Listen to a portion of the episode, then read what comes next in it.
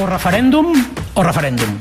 A proceder al cese del presidente de la Generalitat de Catalunya Well, I have to say, you're not laughing now, are you? Catalunya, hem guanyat les eleccions! de fer un pas al costat, de no presentar-me com a candidat de Junts pel Sí a la reelecció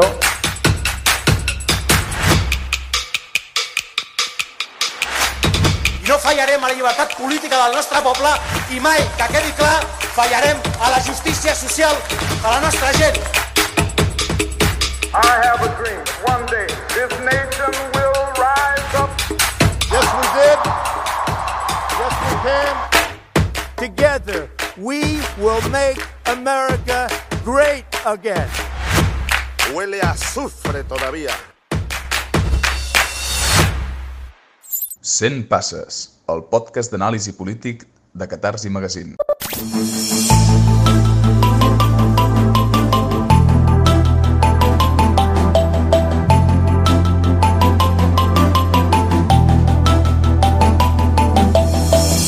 En els darrers anys, termes com digitalització, Big Data, quarta revolució industrial o economia de plataformes han adquirit un gran protagonisme en els debats sobre el futur de l'economia i la societat. Es tracta de termes que fan palès el creixent lideratge de grans empreses vinculades a l'explotació massiva de dades com Google, Apple o Facebook, gegants empresarials situats a l'avantguarda de les transformacions de l'economia contemporània i que destaquen per un enorme poder de mercat.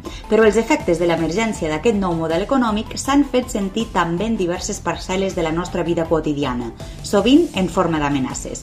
Només cal pensar en noms com Uber, Globo, Airbnb o Amazon i en els impactes que ja han tingut a casa nostra. I d'aquestes qüestions relacionades amb aquesta economia de grans plataformes en parlem avui a 100 passes amb dos convidats que ens ajudaran a donar resposta a algunes de les preguntes que ens fem al voltant d'aquest tema. Són l'Helena Idoate, economista del Seminari d'Economia Crítica Taifa, i l'Oriol Arcas, doctor en Arquitectura de Computadors i director del Seminari La Realitat, i que participa també al podcast sobre ciència en català Inconsciència. I amb ells, un dels nostres col·laboradors habituals, en Carles Badenes. A més, parlem del tema coincidint amb el llançament per part de Catarsi Magazine i de la cooperativa Econa del quadern El treball contra l'algoritme, un dossier que analitza el fenomen des de diverses vessants i que compta amb la col·laboració d'un ampli ventall d'analistes i activistes. Us recordem que si no ho heu fet encara esteu a temps de participar en el procés de crowdfunding per fer-lo possible.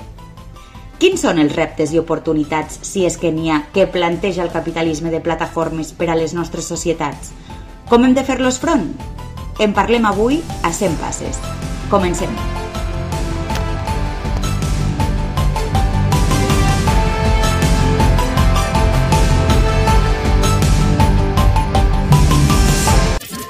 Això és 100 passes.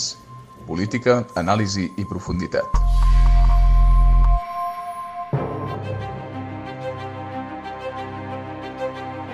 Doncs, com us hem dit al principi del programa, en aquest podcast d'avui estem aquí amb la Helena, l'Oriol i el Carles. Hola els tres. Hola, què tal? Hola. Hola.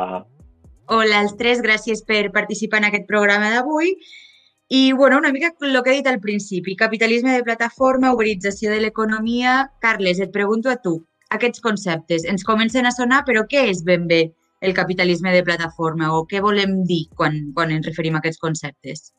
Doncs es tracta d'un fenomen que sovint és confús perquè es barreja amb altres qüestions com és els negocis online eh, o fins i tot les noves tecnologies i en general internet i també pel fet que és un fenomen que, que afecta eh, i que travessa diversos sectors, des del comerç al transport, a la producció i consum de, de, de productes audiovisuals, a la indústria. Però, eh, sobretot, el que caracteritza el capitalisme de plataforma és la consolidació l'emergència d'un conjunt de grans empreses que tenen en la gestió i processament de, de quantitats massives de dades la seva principal font de negoci i que tenen en les economies de xarxa eh, el seu avantatge principal i allò que determina la seva, el seu gran poder de mercat. Les economies de xarxa eh, són aquelles que caracteritzen alguns sectors en què com més usuaris hi ha, més beneficis potencials hi ha o més utilitats per als mateixos usuaris. Podem pensar, per exemple, en internet com un paradigma en aquest sentit. En què és evident que com més usuaris d'internet hi ha, o sigui, quan internet té pocs usuaris, és menys útil, diguem, per a aquells que la fan servir, com més usuaris hi ha, més utilitat té. Però des del punt de vista d'aquestes empreses, el que genera aquestes economies de, o efectes de xarxa eh, són avantatges que sobretot es tradueixen en un en un gran poder de mercat. No sempre necessàriament en grans beneficis, algunes d'elles no són necessàriament rendibles, però sí en una posició predominant eh, en els seus, en els seus mercats. I, de fet, per, per tancar això, eh, en certa manera, el que estan constituint i dominant aquestes empreses que protagonitzen el capitalisme de plataforma, la, la majoria dels, dels noms en sonarien molt perquè són molt quotidianes, és el domini de la infraestructura bàsica eh, per a les principals activitats econòmiques de producció, distribució i, i consum eh, segons les tendències actuals, diguem, no? cap allà on està tendint l'economia actualment. Helena i Oriol, jo us diria que la gent que no sabem molt d'economia, diguem, i ens ho mirem una mica des de fora, sí que en aquestes empreses potser veiem diferències. Segurament no les, no les sabem especificar del tot bé, però sí que veiem pel seu funcionament eh, diferències respecte a altres empreses, però jo us voldria preguntar concretament si creieu que aquest eh, capitalisme de plataforma representa realment una novetat en el funcionament de l'economia i, de, i de la societat? Doncs jo crec que el, la, aquestes noves empreses o aquest nou model empresarial i de treball no és un funcionament diferent del, del funcionament del capitalista. Eh, la, en l'àmbit del treball, el desenvolupament del capitalisme doncs, va eh, bueno, va ser possible gràcies a unes transformacions amb el, les quals el treball eh, artesà es va desarticular, els coneixements i el control del procés productiu es van desarticular i va esdevenir un treball eh, assalariat eh, que diem molt sovint que és un apèndix de, de l'eina. No? És, un, és un treball que està subordinat i subsumit en un procés productiu que va més enllà del, de la pròpia treballadora. No? I crec que eh, en el cas doncs, del capitalisme de plataformes, concretament d'aquesta feina gestionada per algorit algoritmes i aquesta feina per comandes, aquesta naturalesa doncs, encara és més brutal no? I, i encara doncs, bueno, és una expressió màxima de, de, d'aquest funcionament natural del capitalisme. També per situar-ho en un marc històric, eh, entenem que apareix ara o fa uns anys eh, aquest nou model doncs, perquè el capitalisme madur es topa amb uns límits eh, de sobreproducció crònica. El capital eh, ha de buscar noves maneres d'invertir. Com deia el Carles, de vegades no són rendibles, de vegades són una aposta estratègica o fins i tot pot ser que sigui purament una bombolla no, de capitals sobrers que no saben on acudir. No? I el, el que està clar és que això transformarà eh, les economies cap a més monopolis, però bueno, això també sabem que és el funcionament normal del desenvolupament capitalista. Oriol, comparteixes aquesta afirmació de la Helena de que realment doncs, és la màxima expressió d'aquest capitalisme però que no hi ha cap, cap novetat respecte al funcionament de l'economia? Uh, clar, eh, el, el, jo sí que diria que, que Sí, potser en termes, que jo no soc economista, llavors aquí eh, potser no ho puc dir tant, no? però potser sí que alguna, algunes diferències potser sí que veig, no? Eh, el paper que juga la tecnologia eh, segurament, eh, eh, tot i que d'una manera diferent a la que ens expliquen, eh, ens intenten vendre les, les plataformes aquestes com si fossin eh, empreses molt innovadores que gràcies a la seva tecnologia tenen molt d'èxit. No? Eh, I realment la innovació és més de tipus econòmic, no? com heu dit, és el, el, el model de plataforma, que no és una cosa nova, però que amb la tecnologia està com en esteroides. No? És una plataforma molt eficient que fa servir la tecnologia per arraconar la, la competència eh, i acaparar un sector del mercat. No? I llavors aconsegueix aquest efecte de plataforma. No? Eh, I jo crec que això no és una cosa nova, vull dir, hi ha molts supermercats que el seu model no, és aterrar en un barri eh, amb els preus molt baixos arraconen i acaben amb tot el petit comerç que hi ha al voltant i un cop tenen tot aquell mercat captiu perquè no queda cap altre supermercat, doncs tenen els clients no, del barri captius, només poden comprar allà, i els proveïdors també són captius perquè només poden vendre en aquest supermercat que té molta venda. No? I per tant poden imposar condicions tant als clients com als proveïdors. No? I s'han convertit en una plataforma, no un canal de venda, eh, que té captius no? a, en els dos sentits no? de l'oferta i la demanda. I jo, crec que això ho veiem en totes les, plata les grans plataformes tecnològiques. Fan això, però amb la tecnologia ho poden fer encara millor i més fàcilment no? i més agressivament. I això fan Facebook i Google, es veu molt clarament el seu negoci, que la gent no ho sap, però és la, és la publicitat. Acaparen el mercat sencer de la publicitat. Però jo sí que distingiria eh, altres plataformes no, que els hi diuen austeres, on jo crec que el paper de la tecnologia no té molta importància, encara que ens ho intentin vendre com una cosa molt tecnològica. Per exemple, eh, Deliveroo, Globo, eh, Uber, realment la tecnologia que tenen, a diferència de Facebook i Google, que sí que realment no, eh, inverteixen molt en això, no tenen res molt innovador. I jo crec que la, la innovació d'altres tipus de plataformes, cada cop la tecnologia potser té un paper menys important i cada cop guanya més importància la plataforma en si, no? el fenomen econòmic. No? Per exemple, jo crec que això no ho parlarem. No? El, la innovació ja no és tan tecnològica com eh, laboral o no? noves formes de contractació, noves formes d'explotació de la gent. Però el, el fenomen plataforma es manté.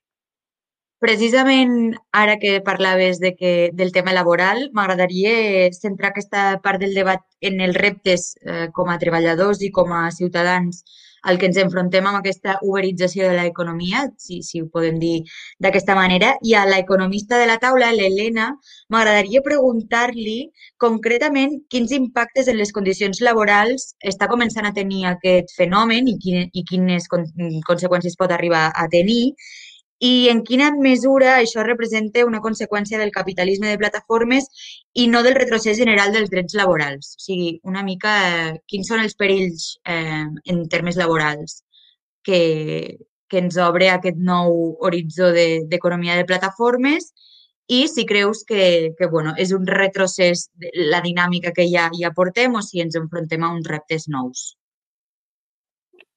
Jo crec que eh, una part important d'aquestes empreses fan el que comentava l'Oriol, doncs innovar eh, formes de treball portant-les portant a fora de la llei. No? Jo crec que eh, és un experiment, eh, segurament el, el, les maneres de treballar o, o, o la regulació d'aquestes empreses canviarà i està canviant i dintre d'uns anys serà diferent, si encara existeixen i les que existeixin, no? Eh, però ara el que fan és experimentar amb, amb coses que encara no estan regulades i sortir-se del marc laboral, no? del marc dels, de l'Estatut dels Treballadors.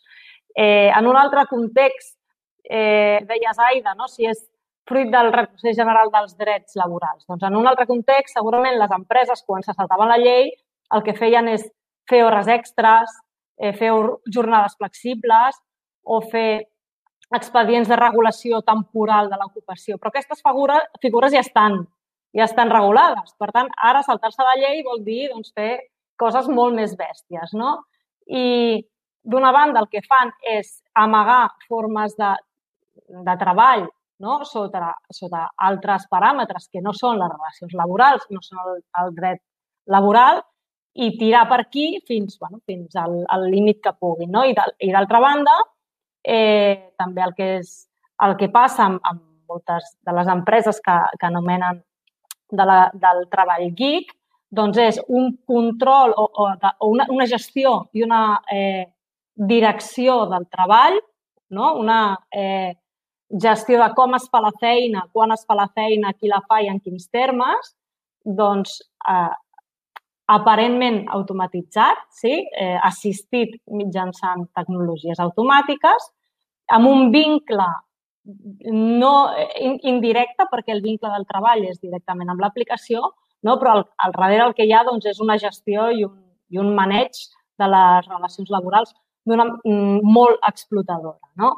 I això també doncs, ho porten a un límit perquè hi ha un buit legal, no està regulat, fins, fins fa poc, hi ha mecanismes opacs Llavors, experimentant en aquests àmbits.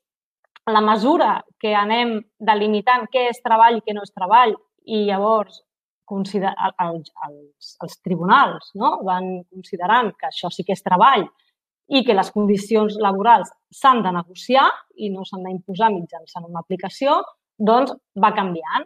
Afecta a, en el model laboral en general, perquè segurament tot el que ara és aquesta mena de cosa ambigua o aquesta part fosca acabarà sent treball temporal. Uh, acabaran de, acabarà sent doncs, una ETT amb uns contractes superprecaris. No? Jo crec que el que ens imposa en tot el món laboral, no només en, en el sector eh, de les plataformes, és que ja, com a societat o com a classe treballadora, no aspirem a una feina, sinó que aspirem a una cosa que és prèvia a la feina. No? Volem estar connectades doncs, amb, amb aquest algoritme, volem formar part d'un equip de freelance d'una empresa perquè ens vagi trucant i tenir contactes i vincles, eh, que és el que ens permet accedir a clients, accedir a encàrrecs i a comandes, però no eh, accedir directament a la feina. No? Per tant, ens, ens porta un pas enrere perquè ara doncs, bueno, el, el que condueix això és no a una situació d'aspirar al treball, sinó una situació d'aspirar a una prèvia, una fase prèvia al treball. Més enllà de matèria laboral, jo quan penso en, en el fenomen d'Airbnb, per exemple, el, el relaciono directament amb, amb com això afecta el preu de l'habitatge o els impactes d'Amazon sobre el, el petit comerç eh, o les amenaces a la privacitat, m'agradaria saber una mica, Oriol, Carles, que, bueno, a part del, dels problemes en matèria laboral, que em desenvolupéssiu una mica més o, o fins on creieu que, que pot arribar a afectar aquestes grans plataformes. Eh, sí, jo, eh, quan penso en plataforma, eh, sempre penso en monopoli. És a dir, jo crec que diem plataforma com un sinònim de, de monopolització, empreses que tendeixen a acaparar un sector, i el que deia abans, jo crec que en habitatge eh, no? en repartiment de menjar, en transport, en tot on, on intenten instal·lar-se aquestes plataformes, és a ocupar un sector sencer i poder imposar les seves condicions. Per tant, crec que ens, ens enfrontem a una mm, mutació del capitalisme que en tots els sectors on desenvolupa aquesta pràctica eh, de plataforma, eh, una empresa o un grup d'empreses aconsegueixen prou poder per imposar les seves condicions. I això és el que veiem en habitatge, en, en, en transport, en repartiment, eh, en el...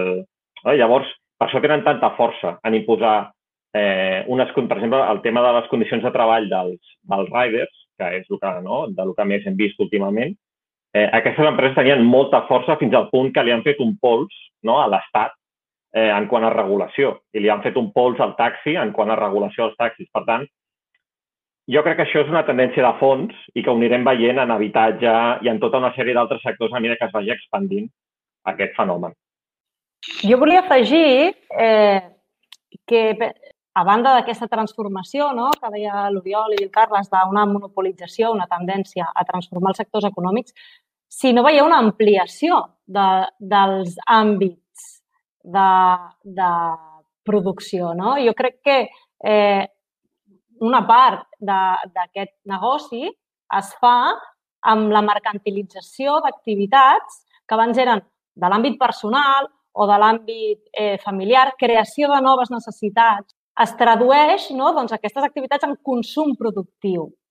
Anàvem amb transport públic, no agafàvem el taxi sovint o anàvem caminant. Ara l'Uber ens, ens porta a un consum productiu del desplaçament, portar, que et portin el menjar a domicili, això no deixava de ser un luxe. El més habitual és, és cuinar a casa o de tant en tant desplaçar-te, no? I crec que s'està tendint cap a un hiperconsumisme també, doncs, jo sé, molt individual, molt també, doncs, bueno, basat en satisfer immediatament necessitats noves i tot això, i que també crec que s'ha de tenir en compte. Sí, també hi ha una, jo crec, una ampliació no només en l'àmbit personal, sinó també en l'àmbit del, dels serveis, no? del, del sector públic. Eh, les empreses aquestes estan um, acaparant, colonitzant no? eh, serveis que abans donava l'Estat i cap al que sigui, perquè el poden oferir, eh, que ells ho venen com gràcies a la tecnologia d'una manera més eficient no? i amb, un, amb una àurea de, com d'innovació, els estats tendeixen a cada cop recolzar-se més en aquesta mena d'empreses, el mateix estil que feien les grans empreses, eh, consultores, etc, no? que cada cop s'han anat privatitzant serveis i se'ls han anat traspassant, però més accelerat. No? Estan, estan ja depredant sectors, eh, serveis del nucli no? de l'estat de dret, de l'estat del benestar. Mm, us volia preguntar si creieu que davant d'aquesta nova realitat cal resistir a la digitalització i si és possible resistir a aquesta digitalització, més que res perquè des dels sectors públics sembla ser una prioritat i, de fet, forma part dels objectius del fons, dels fons Next Generation i de diverses estratègies governamentals. I us volia preguntar en aquest sentit si vosaltres creieu que té sentit apostar des dels poders públics per, per, la, per la digitalització i, i us amplio la pregunta si també des del cooperativisme, per exemple. Carles, Helena? bueno, jo crec que, que el concepte de digitalització eh, forma part, o sigui, en molts sentits és un mantra, no? Eh, I moltes vegades obscureix més del que, del que aclarís. Per suposat, l'aposta des dels sectors públics eh, està molt en sintonia amb una visió, diguem, amb tota la ideologia que ha envoltat a Silicon Valley i el sorgiment d'algunes d'aquestes grans empreses, no? amb l'optimisme respecte al que pot aportar l'ús d'algoritmes, l'ús de dades, l'ús de tecnologies digitals per a un sector públic més eficient i més proper als ciutadans. I jo crec que eh, tant si té sentit l'aposta com si té sentit la resistir-se a la digitalització, és complicat de respondre perquè, la, perquè en certa manera, eh, suposa fetichitzar, per dir-ho així, el que és la, la digitalització. No? És eh, segur que hi ha elements positius, eh, per exemple, a l'hora de facilitar participació ciutadana, a l'hora de reduir determinats costos burocràtics i administratius en el sector públic, segur que sectors del cooperativisme es poden beneficiar de l'adopció o de la imitació de determinades tecnologies i formes d'organitzar-se i és evident que al mateix temps mm, cal resistir a allò que entra per la porta darrere la digitalització, com poden ser determinats eh, convenis público-privats, determinades subvencions a, a empreses privades per a fomentar eh, la digitalització i, evidentment, alguns dels, dels, o la majoria dels processos que, dels que hem estat eh, parlant eh, anteriorment. El que sí que crec que s'ha de plantejar des del sector públic és que, com deia abans, Eh, quan parlem del capitalisme de plataforma ens estem referint a empreses que controlen el que són noves infraestructures bàsiques per a l'economia i, per tant, per a mi el debat important és si aquestes infraestructures bàsiques i aquests serveis bàsics no haurien de ser públics. O sigui, més que l'aposta per la digitalització que es fa, com tu deies, des de, fins i tot des d'ajuntaments, no? quan es parla de smart cities, eh, des de diverses instàncies de govern, arribant fins i tot a, a les europees. Jo crec que des de l'esquerra, precisament, el, no? on hem de posar el focus és amb la propietat, amb eh, no? qui, qui té la propietat d'aquestes empreses, eh, aquestes infraestructures de digitalització, el control, si tenen control democràtic i per què, o sigui, amb quin compromís es creen, es desenvolupen i es fomenten amb, amb molts diners públics, no? amb el compromís de guanyar eh, beneficis privats o amb, bueno, una responsabilitat cap a la societat. Eh, també, com deia el Carles, és un mantra això de la digitalització i costa molt estar a favor o estar en contra. Per exemple, mirant una mica quina mena de mm, negocis o, o projectes pot eh, eh, subvencionar la Unió Europea amb aquests fons de reestructuració i de resi resiliència.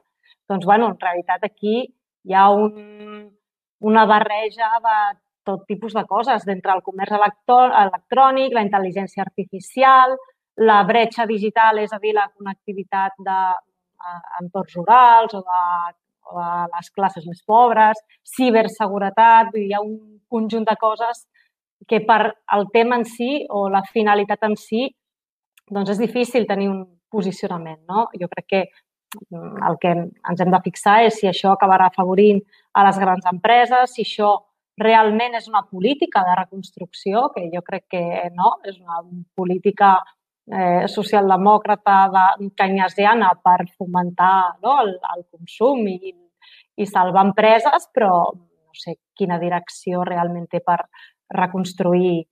I a més a més, eh, sabent que la pròpia digitalització és complicada perquè genera excedents de, no? una sobreproducció, genera també excedents de treball. Bé, en tot cas, crec que ara per ara tampoc està prenent una forma, jo que sé, tan definida com, que, com per poder dir si ens sembla bé o si realment ens oposem a, a, a una qüestió purament sectorial. No? Oriol, m'agradaria preguntar-te quines creus que són les oportunitats que pot arribar a permetre aquest canvi tecnològic si, per exemple, caminar cap a una economia més verda o tindre un sector públic més eficient. No sé si, si em veus. Hem parlat de les amenaces, m'agradaria també que puguem parlar de quines són les, les oportunitats que, que podem veure. Jo crec que quan parlem de tecnologia, a vegades caiem en dos extrems, que són eh, els, els tecnofílics, no? que és el, el mantra aquest de la digitalització, Silicon Valley, Elon Musk, Tesla i tal, i això genera una oposició, que són els tecnofòbics, no? els ludites, eh, que estan completament en contra de la tecnologia. No? I jo crec que hem de separar, quan parlem de tecnologia, és la, la part tècnica, però sempre va ajuntada del context socioeconòmic. No? I realment el problema no és la tècnica, és la tècnica usada en el context on ens trobem ara. Eh, I jo crec que hem d'evitar caure en els dos extrems. Llavors, la tècnica en si, utilitzada en un context diferent, eh, pot, pot ser molt útil. No, no cal ni idealitzar-la ni tampoc ni demonitzar-la. No? Eh, hi ha, jo crec, molts exemples d'usos de, de tecnologia. En el tema, per exemple, del, del canvi climàtic és molt clar eh, que sense les tecnologies actuals eh, no podríem tenir les prediccions que tenim ara mateix del canvi climàtic. És a dir, els supercomputadors es van desenvolupar inicialment per fer models del clima. No? Eh, el que sabem cap on anem ara de canvi climàtic segurament no seria possible sense la digitalització pensada com a grans eh, màquines, inversió pública, unes, unes infraestructures usades eh, per científics per al bé de la societat, no com a aparells de consum eh, o apps no desenvolupades per empreses privades. I després eh, hi ha una altra part, eh, jo crec que és últimament, sobretot amb el que va passar l'any passat, tot el tema de la, de la planificació econòmica va tornar, va fer un revival de, de, de, que no se'n parlava des dels anys eh, 30 o 40 del segle passat. I, bueno, ara tenim ordinadors que ens permetrien, segurament, grans sectors de l'economia eh, organitzar-los d'una manera millor, que és una cosa que ens hauria anat bé eh, quan havíem de eh, organitzar la sanitat, els respiradors, ara les vacunes, no? Tot un, poder reenfocar ràpidament l'economia i, a més, fer-la eh, més racional, no? produir el que necessitem, que la gent pugui eh, participar en l'economia, no? no només una participació política, sinó també una economia participativa, on pugui, com a consumidor puguis participar en el procés no? de, de què s'ha de produir. Tot això jo crec que són coses que si la tecnologia és usada en aquest altre context diferent que el del capitalisme, no? Eh, doncs ja genera uns altres interessos i unes altres motivacions que la fan virtuosa. Helena, Carles, no sé si veieu vosaltres també oportunitats o si veieu que, que des del sector públic no se sabrà o no es podrà eh, regular aquestes amenaces perquè les oportunitats que ha realment vagin, valguin una mica la pena. És una mica el debat que, que jo des de fora una mica trobo. Eh? Us escolto sentir les amenaces i les oportunitats i el que m'agradaria saber és si creieu que realment els poders públics arribaran a tindre el poder per regular aquestes amenaces perquè el cost de les oportunitats, diguéssim, valgui la pena. bueno, jo crec que és, que és el gran tema. No? O sigui, podem imaginar situacions en les que les tecnologies que associem al capitalisme de plataforma, no només diguem, noves tecnologies eh, de l'àmbit de la informàtica d'internet, sinó les pròpies del capitalisme de plataforma i fins i tot de Big Data, poden ser extremadament útils, com plantejava l'Oriol, jo veig dificultats molt clares en termes de correlació de forces polítiques. No? Eh, moltes d'aquestes empreses han nascut amb la globalització. De fet, eh, bona part de les tecnologies que els han donat lloc i fins i tot les inversions no s'entenen sense l'organització econòmica de, de la mateixa globalització, no? d'empreses que operen en diferents territoris al mateix temps. Eh, I són empreses verdaderament transnacionals que, diguem, és avui en dia és molt difícil regular i fins i tot sotmetre a una fiscalitat adequada. Però són debats que s'han obert. Per exemple, als Estats Units hi ha obert un cas no, contra contra, per a pràctiques, per seguir pràctiques monopolístiques de Google. Eh, també hi ha una nova llei europea de serveis digitals que sembla que és el primer esforç tímid en tractar de eh, posar alguns frens al poder d'aquestes companyies i també sembla que hi ha intents, especialment a França i pareix que altres estats de la Unió Europea, per a mm, incrementar la fiscalitat sobre algunes d'aquestes empreses, no? per, a, per l'activitat que tenen al, al seu territori. Mm, jo no sé fins a quin punt podran ser reixides eh, i sos, reeixits i sos intents, tenint en compte el poder d'aquestes empreses i que també estan molt vinculades, en aquest cas, als Estats Units i també algunes noves a la Xina, però sí que veig mm, que són esforços que es queden molt, a, són molt tímids per a les dimensions de, del fenomen i de les transformacions que estan provocant. I per a altres tipus de... O sigui, per a intervencions més, contundents, veig que actualment eh, o sigui, veig molt, molt incapaços, per dir-ho així, a, als governs i al sector públic de la majoria de països d'intervenir de forma decidida en aquest àmbit. Entre altres coses perquè suposa un suport social i que això estigui en l'agenda? Però un suport social al darrere molt fort, eh, suposa una voluntat política d'enfrontar-se a gegants molt important, suposa qüestionar la llibertat entesa com aquesta llibertat de consumir que, de la que parlava l'Helena, que està molt consolidada, però a més perquè suposa un esforç enorme a llarg termini en desenvolupar capacitats. Capacitats tècniques, científiques, de coneixement, de gestió, si es volen construir eh, determinades alternatives a, a, als, a aquest tipus de monopolis. Jo, respecte a les potencialitats que comentava l'Oriol, em sembla com bastant interessant no? veure aquestes eines com una possibilitat per una planificació col·lectiva de l'economia. El que passa és que ens falta el socialisme ens falta la realitat on, on dur a terme, no? I, com deia el Carles, jo no veig els poders polítics, els poders públics, doncs, en aquesta línia. Eh, i, però, en canvi, bueno, amb certs dubtes, sí que em sembla eh, que pot, pot haver-hi alguna oportunitat doncs, a favor, no? a, a, per, per millorar la vida de les persones, aquestes eines en àmbits comunitaris més petits, potser més locals, on sí que poden, bueno, hi ha un potencial de participació, un potencial d'expressar eh, necessitats i anar a buscar resoldre necessitats no? amb vincles eh, bueno, més petits que no és una política estatal i aquí doncs, sí que bueno, eh, veig més eh, bueno, veig potser un punt de partida, no? experimentar en nivells més descentralitzats. El problema és que si, a, si les pròpies plataformes eh, no els hi surt rendible i tenen pèrdues, doncs què ha de fer l'economia comunitària? Però, en canvi, l'economia comunitària, com que també és sense ànim de lucre i és doncs, per un suport mutu, doncs potser sí que treu doncs, el, tot el potencial positiu. No?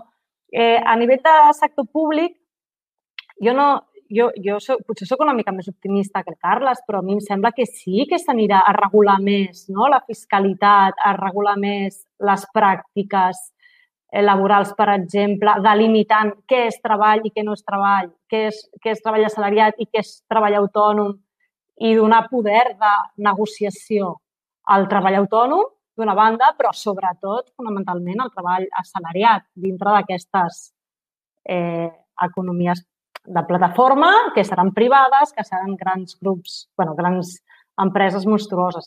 I també penso que s'ha de replantejar l'estat del benestar. Això és un repte eh, o l'emergència i, i la generalització d'aquestes plataformes eh, són un repte per replantejar solucions globals i universals en termes de benestar, de, de l'estat del benestar, que deia l'Oriol abans. No? Una reforma fiscal, regular salaris mínims, eh, reduccions de jornada laboral, crec que és el, el tema que hauran de, eh, no? hauran de tenir sobre la taula el sector públic.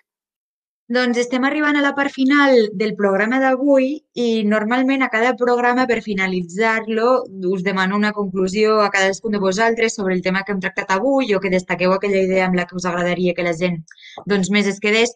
Però avui, per ser una mica concrets i per acabar una mica mm, parlant de propostes concretes des de l'esquerra, m'agradaria saber quines banderes, reformes o demandes creieu que cal defensar concretament sobre la realitat material i contextual que tenim a dia d'avui. Quines són aquelles demandes que creieu que l'esquerra hauria de, de defensar i, i treballar perquè fossin polítiques públiques reals?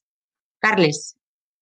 Bueno, jo crec que a curt termini eh, és essencial apostar, eh, com deia abans, per mesures que crec que són limitades però que són imprescindibles, com és impulsar regulacions que limiten el poder d'aquestes empreses, que limiten alguns dels seus impactes més devastadors, en alguns casos, i, i també que incrementen considerablement la càrrega fiscal que pesa actualment sobre elles, que és molt baixa, i això segurament exigeix eh, a llarg termini qüestionar també les trames de paradisos fiscals que, que, estan, fent, que estan fent servir. Eh, però, com ja he insistit, des del meu punt de vista, a llarg termini el que, el que hem de tractar en, en termes més estratègics de defensar és que es tracta d'infraestructures que han de ser públiques i que aquesta és per a mi la bandera en la que l'esquerra ha de, ha de confluir. I per últim, crec que també des del consum, ja que diguem, moltes d'aquestes plataformes viuen d'aquesta llibertat, del, aquest, aquesta ficció de llibertat del consumidor i de la immediatesa, crec que és necessari que avancem molt més en organitzar-nos, en organitzar el consum per defensar eh, institucions i, i de vegades fins i tot coses que són béns comuns, com pot ser el, el comerç de proximitat, que moltes vegades articula eh, la vida en les ciutats i en els pobles, articular les relacions entre els veïns i crec que algunes, les campanyes, diguem, més moralistes que critiquen a, el, el consum en Amazon no, potser són necessàries, però des del meu punt de vista són desencertades i segurament insuficients per al que, per al que caldria, que és bastir institucions eh, col·lectives, diguem, en aquest sentit, cert sindicalisme o cooperativisme del consum. Helena, en aquest sentit, ja, ja, ja hi ha hagut experiències eh, en el món sindical, tant en sindicats generals com en sindicats que s'han creat específicament en aquests col·lectius, per exemple, els riders, eh, i els tribunals estan responent no? amb, amb posar una mica d'ordre. Jo crec que el que cal és avançar cap a definir què és treball i què no és treball, és a dir, que entrin dintre de l'Estatut de treballadors i treballadores totes les relacions eh, bueno, que, que són eh, relacions assalariades amagades i a partir d'aquí dotar eh, el, el, els treballadors i treballadores d'eines per posar límits. És a dir, l'algoritme assisteix amb unes decisions de manera automàtica, però són decisions que es prenen en termes que es poden regular es pot regular eh, el propi algoritme, quines dades hi ha i quines no ha d'haver-hi i com eliminar-les i com posar-les eh, i les decisions que es prenen.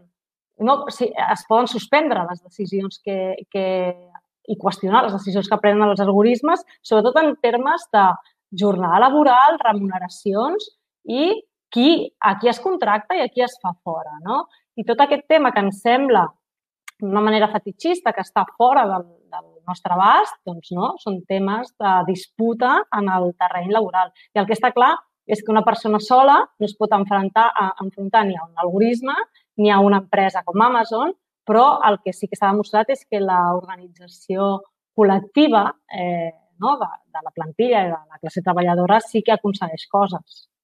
I Oriol, per acabar el programa d'avui, la teva conclusió. Jo eh, vull aixecar dues banderes. Eh, la primera és eh, l'ús virtuós de la tecnologia. Jo crec que tenim molts exemples de, de lluites que no partim de zero dintre del món de la digitalització, del software lliure, no? tota una sèrie de pràctiques que jo crec que les hem de reivindicar i des de l'esquerra eh, hem d'abraçar no? això i, i mantenir aquest, aquest patrimoni. I la segona bandera, eh, el tema del, del comú digital, que a mi m'agrada molt, no? sobretot centrat en el, en el paper de l'Estat, que jo crec l'Estat últimament ha relegat molt el seu paper de, de gran inversor, de gran emprenedor en el desenvolupament de noves tecnologies, obrir nous negocis, nous mercats, no? etc. Eh, que això és una cosa que havia fet en el, en, no? amb la tecnologia, amb els transports, etc.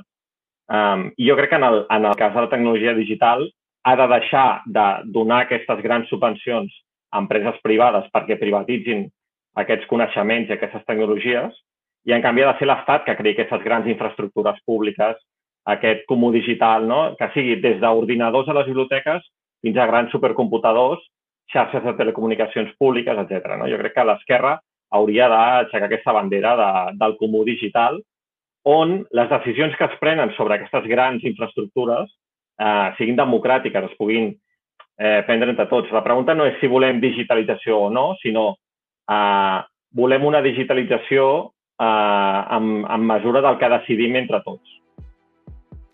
Doncs gràcies als tres, a l'Oriol, a tu també, Helena, Carles, per haver participat en aquest programa d'avui. Em despedeixo de vosaltres. Adeu. Adeu. Adeu. Gràcies per participar en aquest programa perquè, com deia, crec que és un tema que obre molts debats col·laterals i que segurament tindrem l'oportunitat de parlar-ne en propers programes, però de moment això és tot pel programa d'avui. Hem posat sobre la taula les amenaces d'aquest capitalisme de plataforma impulsat o propulsat, perquè ja, ja s'impulsa prou sol el capitalisme, per aquest canvi tecnològic que segur que també ens obre oportunitats, però que veurem si els poders públics faran que aquestes oportunitats puguin pesar més que les amenaces. Tot i això, el que segur que serveix per defensar-nos com treballadors i com a ciutadans, com ja han fet els coneguts com a riders o el món del taxi, amb petits passos cap a una major regulació del sector, serà l'organització sindical i la consciència social respecte al nostre model de consum. En tindrem l'oportunitat de parlar-ne properament. Ens escoltem al proper 100 passes.